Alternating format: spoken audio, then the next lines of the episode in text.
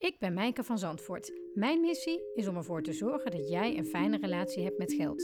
In deze podcast hoor je bijzondere geldverhalen en laat ik experts aan het woord. Hallo, hallo. Het is alweer even geleden, maar hier ben ik weer met een verse aflevering van de Rijker Leven podcast. Voor deze aflevering ging ik langs bij Eva Rovers. Eva is cultuurhistoricus en schrijver en onlangs verscheen haar nieuwe boek Praktivisme, een handboek voor heimelijke rebellen. In dit boek bindt Eva Rovers de strijd aan met die verlammende machteloosheid die we allemaal wel eens voelen als we naar de wereld kijken. En in haar heldere, hoopgevende en praktische handboek voor huistuin- en keukenactivisten leert ze ons hoe je de rebel in jezelf kunt ontdekken en daarmee de wereld kunt verbeteren. We spraken over hoe dit praktisch activisme dan werkt, maar ook over hoe Eva als ZZP'er haar financiën regelt en hoe je je kunt wapenen tegen de constante druk van onze consumptiemaatschappij om altijd maar te kopen, kopen, kopen. Welkom bij weer een nieuwe aflevering van de Rijker Leven podcast. Ik zit uh, aan tafel bij Eva Rovers uh, in Hartje Amsterdam. Uh, een prachtige, ja, bij, je zou het bijna zeggen, een penthouse. een kleintje. Een klein penthouseje. dus als je af en toe een tram hoort of geluiden van buiten, dat is omdat we in Hartje Amsterdam zitten. Um, Eva, superleuk dat ik mocht aanschuiven aan jouw tafel. Um, ja. En uh, we gaan het hebben over geld, zoals uh, uh, ik bijna altijd doe in de Rijke Leven podcast. En wat ik dan aan iedere gast vraag is, mag ik even in je portemonnee kijken? ja, oh, dat is goed dat je dat... Eva gaat even op zoek naar haar portemonnee. portemonnee ja, die heb ik... Het zou nou wel heel erg zijn als ik... Kijk, en ik krijg hem ook. hoe, ja, hoe zou je hem zelf omschrijven? Hij is van leer. Ja, en ben, hij, is, uh, ziet er ook uit als, als doorleefd. Ja, ja, ja, ja. Ik heb hem, uh, het is een, uh, ik heb hem ooit in, in Hamburg gekocht. en daar was een, een, een, leerwinkel die helemaal op alle mogelijke manieren verantwoord was. Dus het, was, het is scharrelleer en het, nou ja, het is door een heel mooi klein, um, door een bedrijfje in India gemaakt, soort met microkredieten en een hele familie. Nou, tenminste, dat zeggen ze allemaal. Dat is ja. natuurlijk altijd moeilijk te, ehm, Te controleren. controleren, maar eh, ja, ik, ik heb ze ook al op internet opgezocht om ze even te checken. Ja, het zag er wel heel, eh, heel verantwoord uit. En, ja, en het is gewoon. Tenminste, Ja. ik hou heel erg van dit soort Ja, ik hou eh, daar ook heel erg van. oud leer. En hij, eh, hij ziet er vrij georganiseerd uit. Het is, eh, het is netjes. en ik, ik, er zit ook vrij veel cashgeld in. Ja, ik heb, gisteren, ik heb gisteren een boek geruild, dus ik heb geld teruggekregen. Dus dat is toeval. Dat is echt toeval. Ik heb eigenlijk altijd heel weinig cash. Ik heb altijd te weinig cash bij me. Ik doe alles met, eh, met, eh, Pin. met pin. Ja. En je hebt ook steeds minder cash gewoon nodig. Hè. Ik vind het, Mhm. bijvoorbeeld OV-chipkaart zit er ook in. Ik vind het echt een fantastisch systeem. Je hebt echt, nou ja, je hoeft eigenlijk bijna nooit geld door je handen te laten gaan. En aardig wat pasjes. Ja, ja bieppasjes.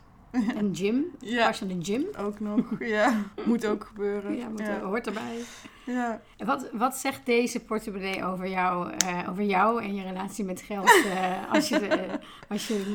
Ja, ik denk wel dat ik ben wel vrij geordend. Ja, ik ben wel iemand die, eh, ook wat betreft geld, ik, ik ben iemand die als ik een factuur krijg, meteen betaal. En ehm, ik, ik merkte ook, ik had laatst een, ehm, is er blijkbaar iets misgegaan. Eh, had ik een factuur van, eh, van de tandarts.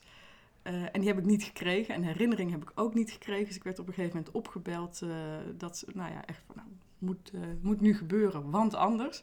En dan merk ik dat ik ook echt een soort van verontwaardiging voel. Van ja, maar ik, ik betaal altijd met. Zei ik ook, dat is het eerste wat ik zei. Kijk maar in uw systeem. Ik heb altijd betaald meteen. Ik ben de, uw braafste Ik klant. ben uw braafste klant. Ja, nee, zeker. Dus dat, eh, en dat bleek uiteindelijk gewoon inderdaad bij de post eh, ik- iets mis te gaan. Maar dan, eh, ja, dus dan merk je wel dat toen dacht ik ook wat grappig dat je dus zo eh, je echt persoonlijk aangesproken voelt op het moment dat iemand eh, denkt dat je je, ja, je, je schulden niet betaalt. Of zeg je dat? Je facturen ja, en dat je je zaakjes niet op orde hebt ja, op een bepaalde ja, manier. Ja, ja, ja, ja. En ben je dan ook iemand die meteen een factuur stuurt? Want je bent natuurlijk zelfstandig ondernemer, dus je stuurt ook facturen. Ja, daar ben, dat is dus grappig. Daar ben ik dan dus minder goed in. Ik vind dat, dat doe ik wel, maar dat moet ik mezelf echt aan, daar moet, moet, ik heel bewust van zijn. Dus ik moet echt denken, ik, heb nu, ik ben dan zo bezig met bijvoorbeeld een lezing geven, want daar stuur ik de meeste facturen voor. En dan moet ik echt denken, morgen die factuur sturen. En dat, uh, maar vaak ben ik zo bezig met de inhoud en er op tijd zijn en uh, nou, gewoon een goed verhaal geven. Dan ben ik thuis en dan nou, is het klaar. En dan vergeet je dat er ook nog een factuur achteraan moet komen. Dus daar moet ik mezelf af en toe wel echt aan herinneren. Maar, ja, dus dat is vooral vergeten en niet dat je een andere reden hebt dat, uh, dat het lastiger is om een factuur te versturen dan te betalen.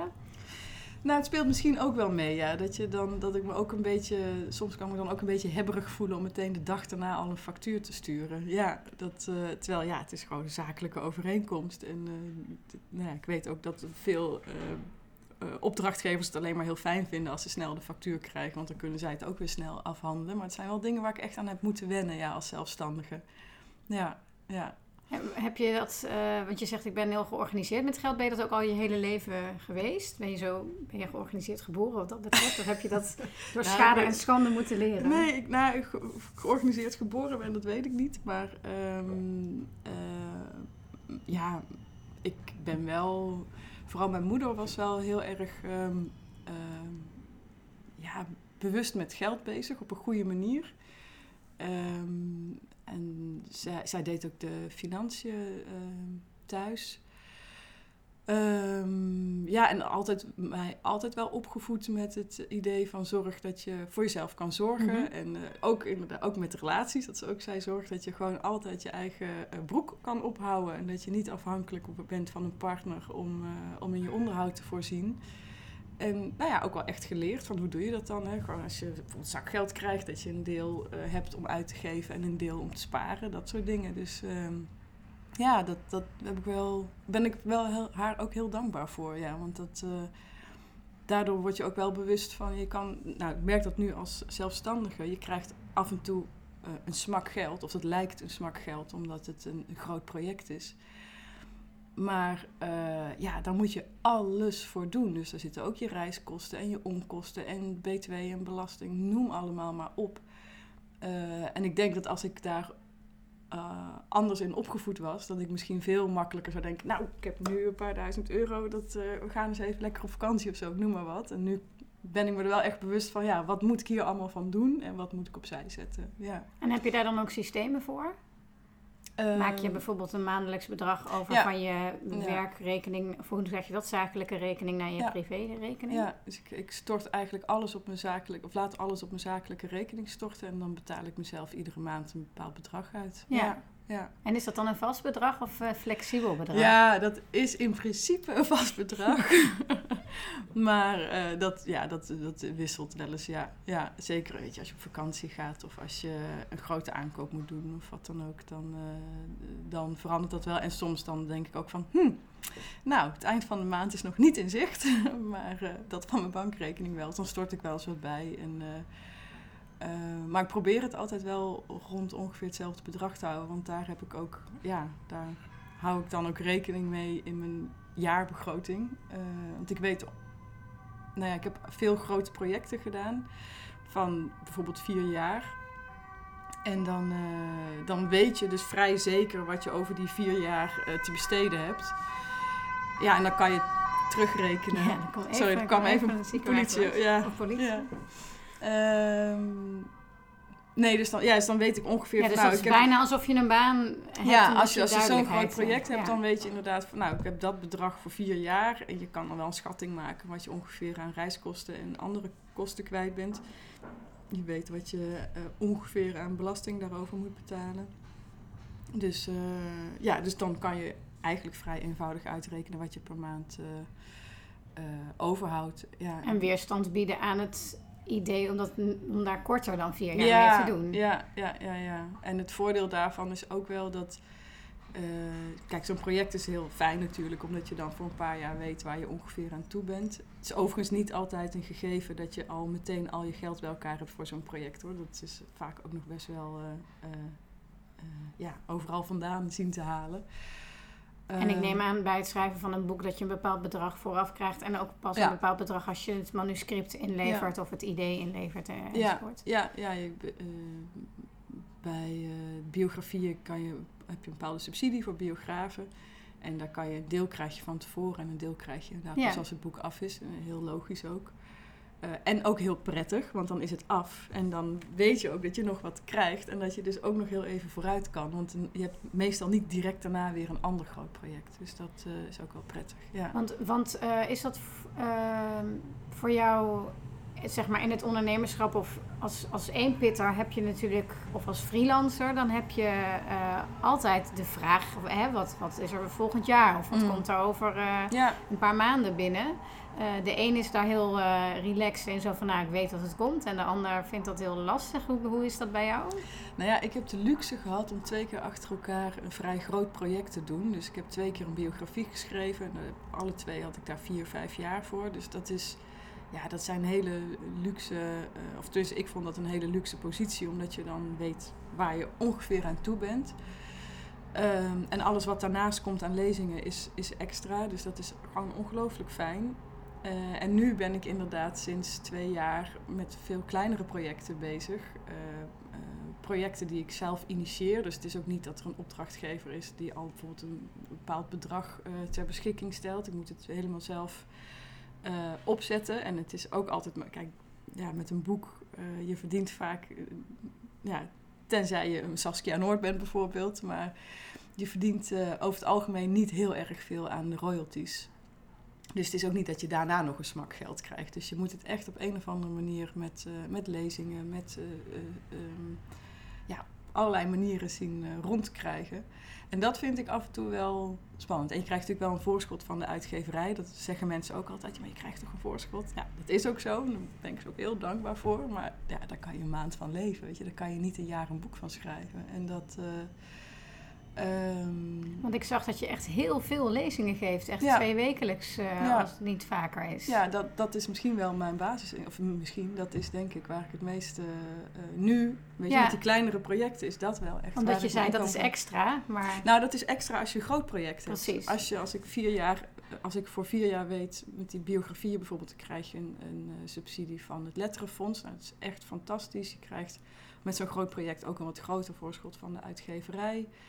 Um, en in het geval van uh, mijn buugbiografie zat er ook nog een werkgroep omheen die een, een veiling heeft georganiseerd om geld op te brengen. Dus het was fantastisch. En dan zijn lezingen uh, of een extra of gewoon toch vaak ook nog wel gewoon de noodzakelijke laatste stap.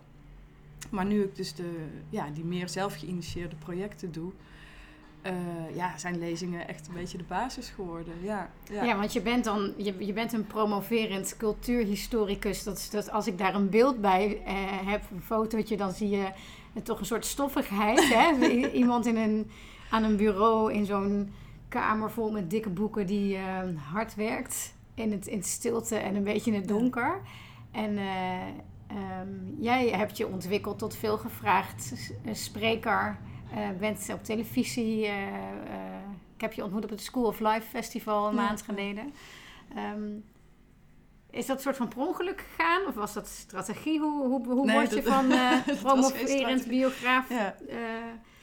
Nou, veel ligt, spreker. Ja, het ligt denk ik heel erg aan je onderwerp. Ik heb dat niet van tevoren uh, zo bedacht. Sterker nog, ik denk dat toen ik met mijn eerste met die, met het proefschrift begon, als ik had geweten wat daar allemaal uit zou zijn gekomen aan lezingen en documentaires en weet ik veel, dan denk ik dat ik misschien een enorme writersblok had gekregen. Uh, maar ik heb daar precies het beeld wat je schetst. Ik heb daar vier jaar lang op een kamertje op de universiteit in mijn eentje in alle stilte aan zitten werken. Dat was heerlijk. Dat was echt fantastisch. Um, en daarna, uh, ja, dat, weet je, er was een documentaire over gemaakt. En dat onderwerp van uh, Helene Krullenmuller is iets wat toch uh, ja, een, groot publiek aanspreekt. Heel veel mensen kennen het museum, maar heel veel mensen kennen niet het verhaal van de vrouw erachter. en zijn daar nieuwsgierig naar. En ja, dan komt de ene lezing naar de andere. En wat ik heel leuk vond om te merken is dat je eh, die jaren in dat kamertje op de universiteit waren heerlijk. Maar het is ook ontzettend leuk om over je onderwerp te praten. En van mensen te horen hoe ze je boek ervaren hebben. Of nog hele bijzondere vragen stellen. Ehm, ja, dus die, die combinatie, wat vond ik. Uh, of ja, ja de, de, andere kant van dat onderzoek, dus meer de publieke kant, vond ik ook ongelooflijk leuk. En ik denk dat het aan de onderwerpen ook te danken is dat je dan um, ja, veel gevraagd wordt. Het is een. Uh, ja, Helene Krullemuller spreekt tot de verbeelding, Boudewijn Buug spreekt tot de verbeelding. Dus daar heb ik gewoon ongelooflijk veel geluk mee gehad. En, uh, ja, en ik vind het heel leuk om lezingen te geven. Dat scheelt ook. Dus er zijn, er zijn ook schrijvers die iets hebben van, nou, laat mij maar gewoon schrijven. Maar ik vind het ongelooflijk leuk om dat te doen. Dus dat scheelt ook. Dan kan je, dan, dat is voor mij geen uh, geen moeten. Ik vind het echt leuk om, om zo'n verhaal te vertellen en om te horen wat mensen ervan vinden. Dus dat scheelt natuurlijk ook wel. Je hebt um, nou, die biografie geschreven, maar jouw laatste uh, boeken gaan veel meer over actuele onderwerpen en over uh, activisme en rebellie. Ja. en hoe je als westers mens met een bepaalde ethische normen en waarden zullen zeggen. En met een beetje je bekommeren over de wereld. Hoe kun je nou van een soort van luie uh, klik, uh, kliktivist noem je dat dan. Hè? van nou met één klik kan je een petitie ondertekenen. En dan ben je weer eventjes van je schuldgevoel af, om maar even zo te zeggen. Um, en toen we net even in het voorgesprek uh, zaten te praten over de, connectie van wat jij doet met geld, toen zei hij, ja, of je het nou hebt over uh, Helene Kruller-Müller of uh, over dat activistische stuk. Uiteindelijk komt het allemaal weer neer op geld. Ja, ja, het is heel. als je daar eenmaal over na gaat denken, dan zie je dat het gewoon overal een rol in speelt. Ja, dat, dat is natuurlijk ergens een open deur, maar. Ehm, uh, nou ja, ook toen, ik, toen nou, jij me uitnodigde voor deze podcast, ging ik er natuurlijk ook over nadenken. En dan in eerste instantie denk je, ja, Krullenmuller, dat gaat echt over kunst. Maar ja, ze heeft die kunst niet kunnen kopen, al die Van Goghs en Picasso's en Mondriaans, als haar man niet een buitengewoon succesvolle zakenman was geweest. En uh, de manier waarop die, haar man ook weer met het geld omging en zijn investeringen deed en uh, er uh, ook af en toe een behoorlijk schimmige uh, boekhouding op nahield. Dat heeft allemaal toe bijgedragen dat zij die verzameling kon samenstellen. maar uiteindelijk ook dat het bijna allemaal verloren ging. Dus het, het is heel nauw verbonden met geld. Um, gold voor Boudewijn Buug ook. Het was iemand die van jongs af aan ja, toch een hele problematische omgang met geld had. Waarschijnlijk ook omdat hij in een vrij arm gezin opgroeide. Uh, ja, ook na de oorlog, er was sowieso gebrek aan alles. Um, en ja, die, die, die, die was al heel jong, had hij een ongelooflijke, of te ongelooflijk, had een schuld en is uh, vrij jong uh, failliet verklaard. En dat was denk ik het ergste wat hem is overkomen. Dat, dat vond hij waar, zo welke gênant. Welke leeftijd hebben we het over vrij jong? Ja, dat was denk ik, dat hij, even, moet ik even goed rekenen, zo midden twintig.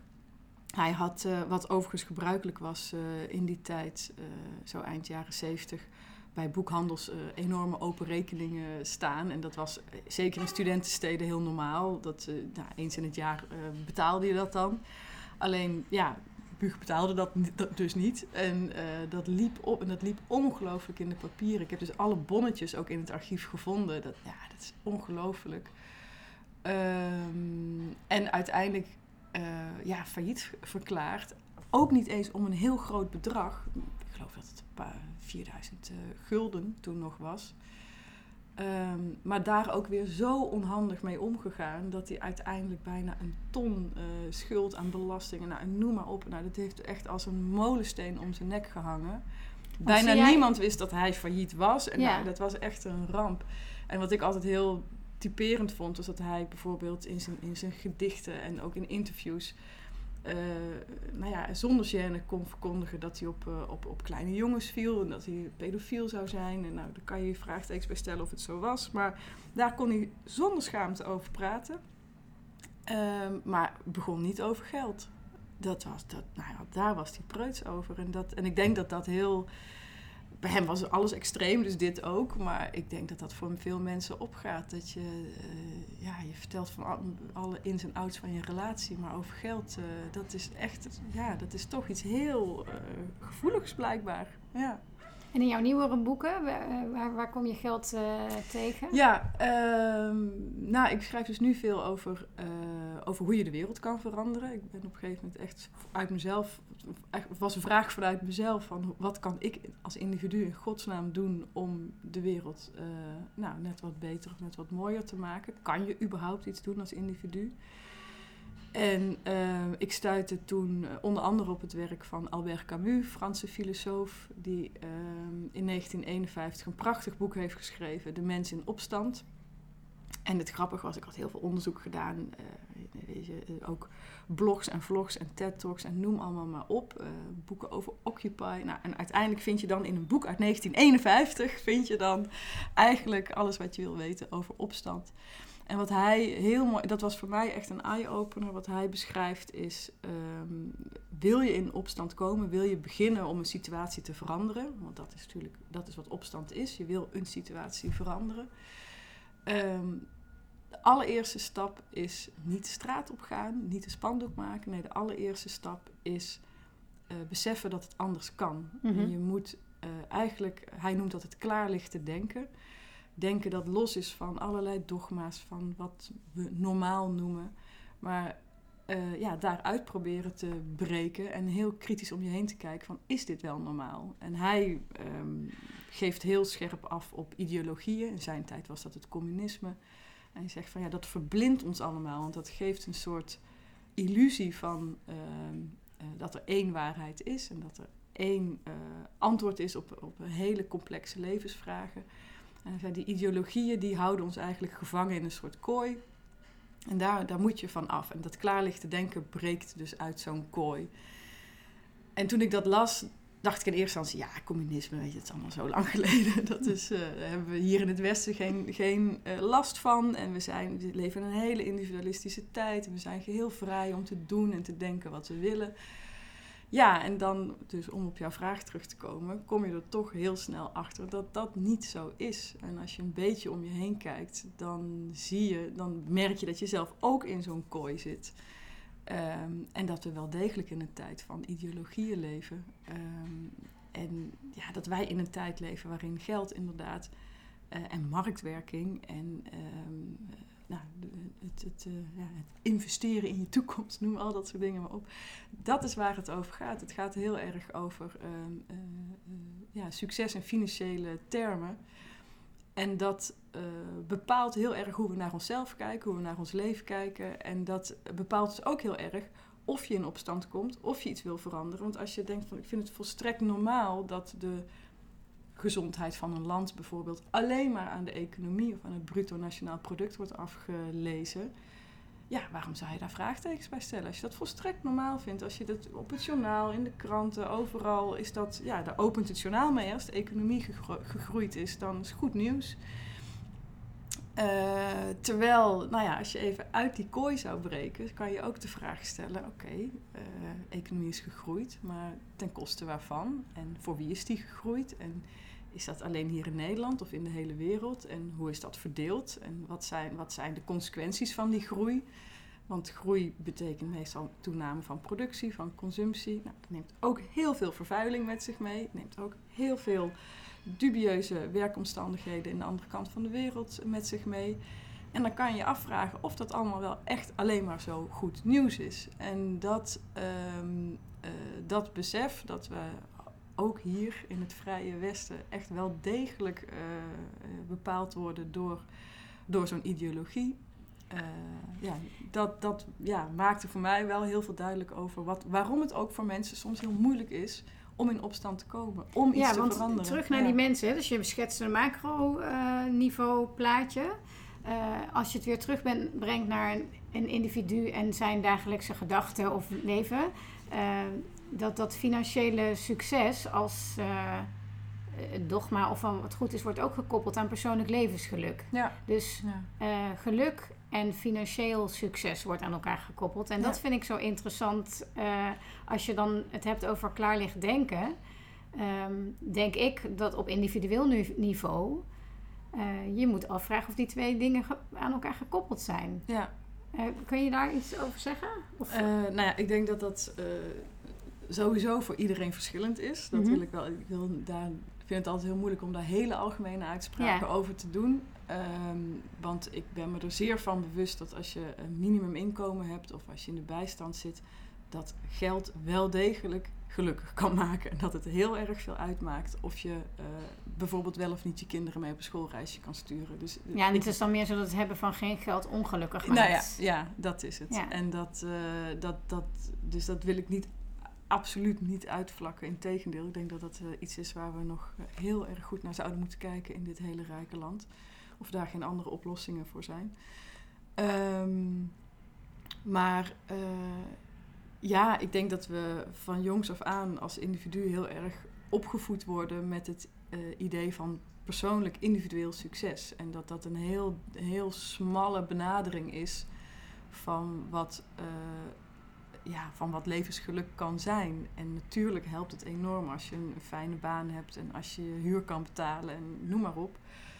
Ehm, maar het is wel maar één facet van het leven. En het verbaast mij altijd. Kijk, je wordt als kind ehm, toch al vrij jong eh, opgevoed met het idee van je moet een goede baan hebben en je moet eh, geld verdienen en je moet. eh, nou, dat financiële succes zit daar heel erg in. Wat ik net ook al zei, het zit heel erg in onze taal ook. Hè? Dat maakt het ook zo vanzelfsprekend. Eh, ik hoor studenten heel vaak zeggen, of mensen die eh, iets anders eh, met een andere baan bijvoorbeeld, ik moet investeren in mijn toekomst. Weet je, dat is een echt zo'n zo'n uitspraak die je zo vaak hoort. En, dan, en dat gaat heel vaak over, want dan kan ik uiteindelijk meer gaan verdienen. Of dan, ehm, maar dat geeft, of je moet je talenten optimaliseren. Het zijn allemaal van, Ja, van die economische termen. Ja, Ja, van die. En daar zit het echt, als je daarop gaat letten, daar zit het echt vol mee. eh, onze hele taal. Hoe wij nu over ons, over ons leven praten, dat is toch vaak in economische termen. En in, dus in, in dat managementjargon echt. Eh, Alsof ons leven een bedrijf is dat je moet optimaliseren. En waarvan de output heel belangrijk is. En dan denk ik, ja, maar wat is die output dan? Het feit al dat je daar op zo'n manier over praat, geeft al aan dat je dus je hele leven eigenlijk in het kader van, van, ja, van economie ziet. Terwijl er toch nog wel een paar andere facetten zijn. En ehm, ja, dat, dat eh, was voor mijzelf ook een eye-opener. Want het zijn van die dingen die zo vanzelfsprekend zijn. Dat je er dus inderdaad heel lang ook niet bij stil kan staan. Ehm, maar ik, ja, voor mijzelf heeft het wel, eh, ook door dit soort onderzoek te doen, dus inderdaad te kijken van wat, eh, wat zijn de kaders of de ideologieën waar we stiekem gewoon in zitten en waar je je dus niet van bewust bent, omdat het zo vanzelfsprekend geworden is. Dan ga je toch op een hele andere manier naar de wereld kijken en naar hoe je je eigen leven ook inricht. Dus, En- dus het luisteren naar taal is een heel goed, eh, goed eh, voorbeeld of een manier om klaarlicht te denken. Ja. Dat is een stap die je, eh, als je luistert naar deze podcast en hiermee bezig wil zijn, dan zou je dus kunnen kijken van hé, hey, wat, A, wat zeg ik zelf? En B, wat hoor ik inderdaad als het gaat over. Welke, ja, welke woorden gebruiken mensen om hun leven te definiëren of om, om te, hun doelen te definiëren? Ehm, vaak is het ook heel algemeen. Mhm. Als je dan gaat doorvragen, maar wat bedoel je dan met succes? Weet je, wat, wat is succes voor jou? Wat is investeren in de toekomst? Ja, ja, ja. Dan, dan, dan eh, valt het vaak ook eerst stil. En dat eh, omdat je er, ja, het zijn dus zulke gebruikelijke termen geworden dat we er allemaal van uitgaan dat iedereen wel ongeveer snapt wat. Maar dat houdt dus ook in dat je er vaak helemaal zelf ook niet bij stilstaat. Van wat is dat succes dan? Is dat succes, vind ik dat succesvol? Of vindt mijn omgeving dat succesvol? Vindt de maatschappij dat succesvol? Dat zijn al drie totaal verschillende eh, visies op Mhm. succes. En dan hebben we het nog niet eens over de inhoud ervan. Ehm, dus, dat, ja, dus die taal is belangrijk. Eh, echt bij jezelf nagaan van wat, wat bedoelt men hiermee? Wat bedoel Mhm. ik hiermee? Ehm, maar ook dingen die heel vanzelfsprekend zijn geworden als... ehm, eh, nou ja, ik noem maar reclame, is ook zoiets. Eh, het is niet leuk om toe te geven, maar hoezeer word je beïnvloed door reclames? Hoezeer, want wij hier in Nederland eh, worden 377 keer per dag en dat is een onderzoek uit 2015, het zal inmiddels meer zijn, doodgegooid met reclame. Dat betekent dat iedere drie minuten dat je wakker bent, krijg je te horen, je leven voldoet niet, er ontbreekt iets en dat iets, dat kan je kopen. Dus je wordt constant wordt je eraan herinnerd dat er iets niet klopt. Dat je een reden hebt om uh, ergens, ja, dat, dat je leven dus niet oké is. En dat je dat kan oplossen door iets te kopen. En, en klaar ligt denken volgens Albert Camus is dat bevragen. Ja, is daar okay, je bewust van worden. En ja. denk van, is dit wel normaal? Waarom, waarom komen we niet met z'n allen in opstand tegen? Het is echt gewoon een soort indoctrinatie en een, uh, en een manipulatie. En als je dan ook nog eens een keer weet hoe ongelooflijk veel uh, onderzoek er wordt gedaan om die reclames zo, um, ja, zo diep mogelijk in ons brein te laten doordringen, waardoor we op onze uh, meest primaire emoties worden aangesproken. Ja, het is eigenlijk gewoon ongelooflijk fout, uh, vind ik persoonlijk. En als je daar bewust van bent, en dat, tenminste, dat ervoer ik wel zo sterk, dan ben je er ook vrij snel klaar mee. En dan uh, uh, is het, wordt het echt een stuk makkelijker om uh, op een andere manier te kijken naar de dingen die je koopt. En, ja, want wat gebeurde er in jouw leven? Dus je, je zegt, ik, ik was er klaar mee door dat inzicht. Dus je, op een bepaalde, maar hoe kom je er dan ook echt vrij van? Want dat is ja. een andere zo'n ja, volgende ja, stap. Hè? Ja, dus wat, volg, nou ja, kan je eens wat dingen vertellen die er gebeurden door je, doordat je dit onderzoek deed? Ja, nou, ik, wat, ik, ik ben, nou, wat ik zelf altijd wel grappig vind om te om te vertellen is dat ik, ik ben al heel lang vegetariër. Echt jaren, sinds mijn twaalfde ongeveer. En dus het was voor mij, ik kon altijd heel erg uh, tegen mensen zeggen, of heel erg een beetje zo veroordelend zeggen van ja, maar een kipfilet van een euro, dat kan natuurlijk niet. Iedereen met gezond verstand snapt natuurlijk dat een kipfilet, dat, dat is duurder dan een euro. Iemand, of iets in dit geval, betaalt daar de prijs voor. En dat nou, hè, valt weinig tegen in te brengen. Ondertussen kocht ik wel t-shirtjes bij de Hennis Maurits voor 5 euro. Terwijl je ook op je klompen aan kan voelen dat dat ook niet klopt. En dat heeft veel langer geduurd. En dat kwam eigenlijk door dit onderzoek. Uh, ook omdat ik wat onderzoek deed naar de kledingindustrie en hoe ongelooflijk afschuwelijk dat in elkaar zit. Um, uh, en dat ik uh, toen besefte van ja, maar dit is exact hetzelfde. En ik, ik koop zonder erover na te denken die t-shirtjes. Um, en was er niks in jou wat eerder daar een besef van had, of wilde je dat gewoon niet zien? Nou, dat zit dan ergens in je achterhoofd. Denk je wel, uh, dit, dit kan eigenlijk niet. Uh, maar dan komt dus die reclame en de alom tegenwoordig, of alom aanwezigheid van, nou ja, al die, uh, die verleidingen eigenlijk. Ja, dat is dan weer het nadeel van in het centrum van Amsterdam. Ja, ja, ja, nou ja, ik heb niet, niet altijd hier gewoond, maar het, uh, ja. het, uh, het wordt je ongelooflijk makkelijk gemaakt om dat te doen. Ik bedoel, kijk naar alle stations. Het zijn dus inmiddels allemaal winkelcentra geworden. Het is echt, ja, ik bedoel, je kan niet gewoon een trein pakken. Je moet eerst nog tien winkels door, bij wijze van spreken. Dat is, ja, ik vind dat echt afschuwelijk eigenlijk. Maar ja, dus dat gebeurde. Dus, ja, je, dus het, dus het lukte jou om ja. ook zo bewust te worden van je uh, kleed, kleding aankoopgedrag dat je dat bent gaan aanpassen. En, en überhaupt aankopen, dat je gewoon beseft van, weet je, al is het een, een, een, een kandelaar of een schaaltje, of het is allemaal geproduceerd. Er zitten allemaal grondstoffen in. Het is vaak van de andere kant van de wereld hier naartoe gebracht. Als je beseft hoeveel grondstoffen, tijd, geld, water, energie, nou noem maar op, daarin zit en het staat hier voor 2 euro bij een winkel. Ja, A, het kan niet. Dat, dat was een besef. Maar B, ik ging ook nadenken van, heb ik het nou echt zo erg nodig? Mm -hmm. Dat was bij mij eigenlijk de, de belangrijkste vraag. Heb ik, heb ik het echt nodig? Of ga ik hier over een jaar nog steeds heel erg gelukkig van zijn? Nou, dat is een vraag die iedereen zo kan onthouden ja, en die zo kan, kan stellen ja, bij alles. Ja. Bij elke en je hoeft niet eens de, de, morele vraag te stellen van, weet je, wat, wat, kan dit wel of is dit uh, is het niet te goedkoop? Maar vooral, heb ik het nodig? En, en gaat dit me echt, uh, nou ja, langer dan een jaar of weet ik hoe lang, plezier brengen? Nou, in 99% van de gevallen is het meestal nee. En het voordeel is en het gaat over van alles, over gebruiksproducten, kleding, uh, cosmetica, noem maar op. Um, het, ja, het, het, je, je, hebt het niet nodig en vaak is het ook dat door daarover na te gaan denken, denk je, maar wat, waar ben ik eigenlijk naar op zoek? En vaak is het helemaal niet een product. Vaak is het veel meer. Wat was jouw antwoord voor jezelf?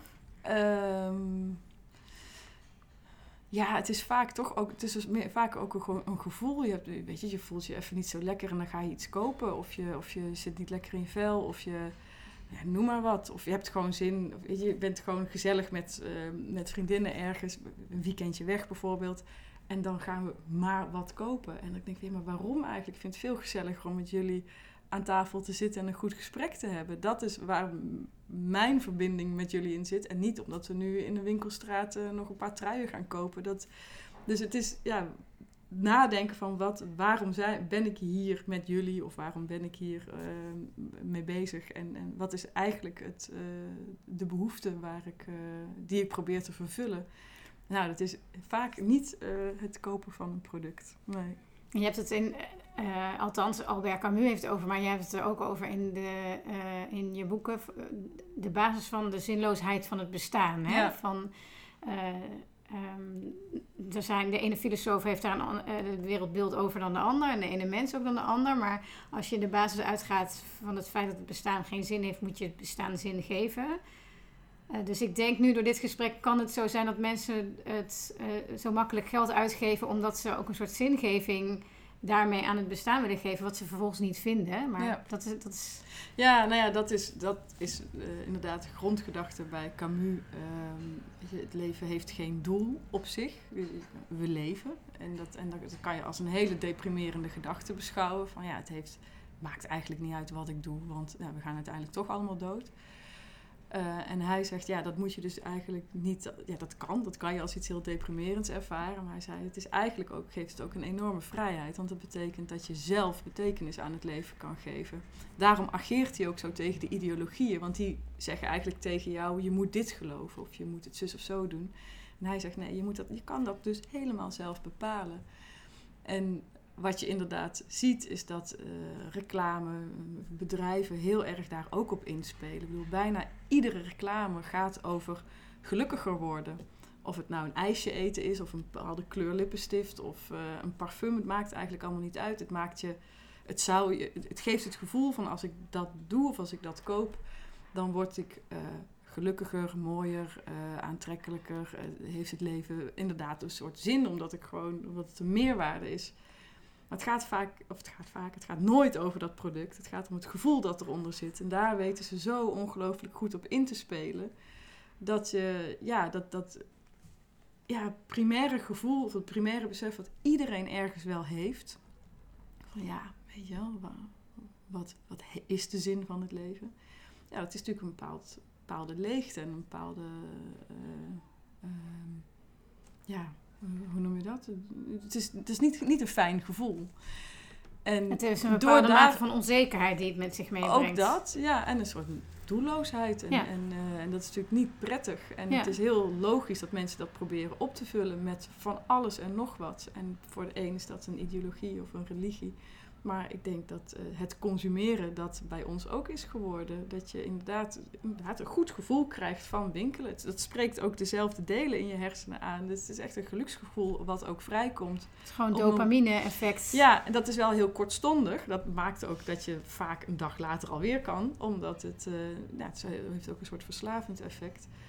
Uh, maar dat geeft dus inderdaad echt even de illusie dat het dus ook zo werkt. Dat je daar een soort uh, uh, geluk aan kan ontlenen. Ja, het is, het is natuurlijk een illusie van de bovenste plank, maar het, ja. Kan je zeggen dat door jouw um, ontdekkingen en onderzoek en je, je in, nieuwe inzichten... dat de rol van geld zelf in jouw leven ook daadwerkelijk veranderd is? Heb je het geld een andere betekenis gegeven? Dus niet per se wat je ermee, niet per se wat je ermee consumeert, maar ook... Ja, dat, hè, dat is een soort van snelle aankoop. Maar het gaat ook over um, hoe kan je je geld inzetten om je leven uh, te verrijken op ja. een andere manier dan met een impuls aankopen. En ja. wat zijn je dromen en wensen in lange termijn denken? Is, daar ja. iets in veranderd door deze? Nou, het is in ieder geval verdiept. Ik denk dat het, dat het altijd al wel uh, ergens. Ik ben nooit zo heel erg van de. Van de um, impuls aankopen, ja. In ieder geval niet op grote schaal. Uh, ik wou zeggen, ik zie mezelf al meteen weer door een kledingwinkel lopen. Dus dat betreft, dat wil ik ook niet beweren. Maar ik ben altijd wel, nou wat ik aan het begin al zei, altijd best wel georganiseerd. Dus ik ja. zal nooit meer uitgeven dan ik heb. In ieder geval, ja, dat, dat in ieder geval niet. Um, maar wat, wat, wat ik bij mezelf wel merkte afgelopen, wat is het, twee, drie jaar sinds ik met inderdaad die boeken, dat ik ja, met die boeken bezig ben en inderdaad veel meer die werking van de economie en van reclame uh, van bewust ben, dat ik ehm, inderdaad ja, nauwelijks nog spullen koop. Uh, dat ik ook, als ik bijvoorbeeld ook een cadeautje aan iemand geef, ook daarvan nog veel meer ga nadenken van, is dit een toevoeging voor, voor haar leven of voor zijn leven? En dat ik het veel leuker vind om uh, bijvoorbeeld een, een avondje naar de bioscoop of, of een etentje te geven dan ja, een of ander prul, wat dan waarschijnlijk toch weer op een plank, weet je, niks staat te doen. dus daar probeer ik wel, daar ben ik wel heel erg van bewust geworden. En dat je inderdaad gewoon eigenlijk ook niet zo heel erg veel nodig hebt. Dat ehm, ja, de echt waardevolle ervaringen zitten niet in de dingen die je kan kopen. En dat, uh, ja, dat is een soort wijsheid die iedereen natuurlijk ergens ook wel uh, weet. Maar dat, daar, dat, ik ben me daar zo bewust van geworden dat het uh, inderdaad. het weten en het voelen zijn twee andere dingen. Hè? Ja, ja, ja, ja. Dat, je dat, dat het ja, gewoon heel veel dingen gewoon ook veel makkelijker maakt. Ik kan. Ja, ik ja, maak niet meer. Ehm, ik, ik ben gewoon veel minder geld gaan uitgeven. En dat, dat is ergens ook wel prettig. En dan weet je ook van ja, waar je het dan aan uitgeeft, dat heeft ook echt waarde. En dat heeft vaak veel meer te maken met iets met andere mensen doen, met familie of met vrienden of uh, een, weet ik veel, iets, een projectsteun of wat dan ook. En daar, dat is veel, geeft, geeft mij in ieder geval veel meer voldoening en veel meer plezier ook dan. Uh, dan een t-shirtje bij de H&M. Nou, dat lijkt me schitterende laatste woorden voor deze podcast, uh, Eva. Um, heb je nog uh, zelf uh, famous last words? um, ja, besef dat je, dat je in je eentje ongelooflijk veel kan doen. Maar vertrouw gewoon heel erg op je, op je eigen gezonde verstand. En besef dat wat, um, wat men normaal vindt, dat dat voor jou helemaal niet normaal hoeft te zijn. Dat het een ongelooflijk uh, interessante en, en waardevolle ontdekkingsreis kan zijn om daar achter te komen. En dat je daarmee veel, uh, veel rijker leeft. dus mensen, denk zelf na. Dankjewel Eva. Graag gedaan. Bedankt voor het luisteren naar deze aflevering van de Rijker Leven podcast. Ben je nieuwsgierig geworden naar wat een rijker leven voor jou zou kunnen inhouden? Kijk dan eens op www.rijkerleven.nl